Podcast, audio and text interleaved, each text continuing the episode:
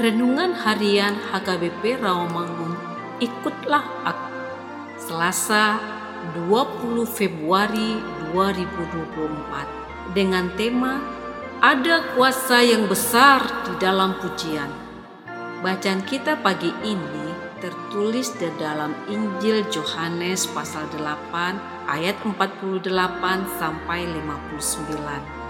Dan bacaan kita malam ini tertulis di dalam Mazmur pasal 20 ayat 2 sampai 4. Dan kebenaran firman yang menjadi ayat renungan harian kita hari ini diambil dari Wahyu 4 ayat 11 yang berbunyi Ya Tuhan dan Allah kami, Engkau layak menerima puji-pujian dan hormat dan kuasa, sebab Engkau telah menciptakan segala sesuatu, dan oleh karena kehendakmu semuanya itu ada dan diciptakan. Demikian firman Tuhan. Sahabat ikutlah aku yang dikasihi Tuhan Yesus. Di atas segala sesuatu yang terjadi di bumi yang bertakhta adalah Allah sebagai pencipta dan penguasa itu. Sepintar dan sebaik apa pun, manusia tidak dapat melebihi kuasa Allah sebagai orang percaya terkadang di dalam kehidupan ini kita meragukan kemahakuasaan Allah.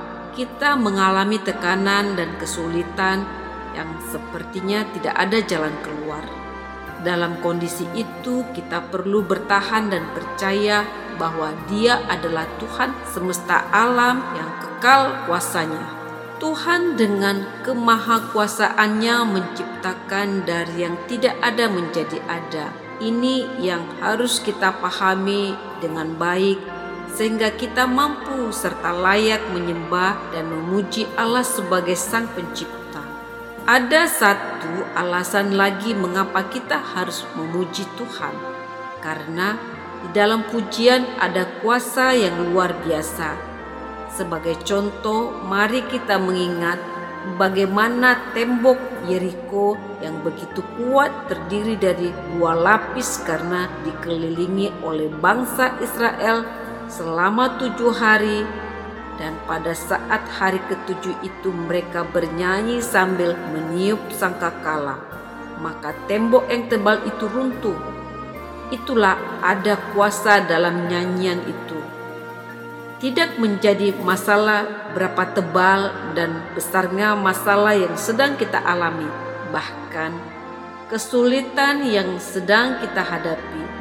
Tetaplah kita mampukan diri kita untuk memuji Tuhan, memasyurkan nama Tuhan dengan puji-pujian, maka Tuhan akan bertindak menolong kita dengan caranya. Amin. Marilah kita berdoa. Tuhan Yesus, pakailah diri kami sebagai alatmu untuk dapat selalu memuji Tuhan dengan segala sukacita. Amin.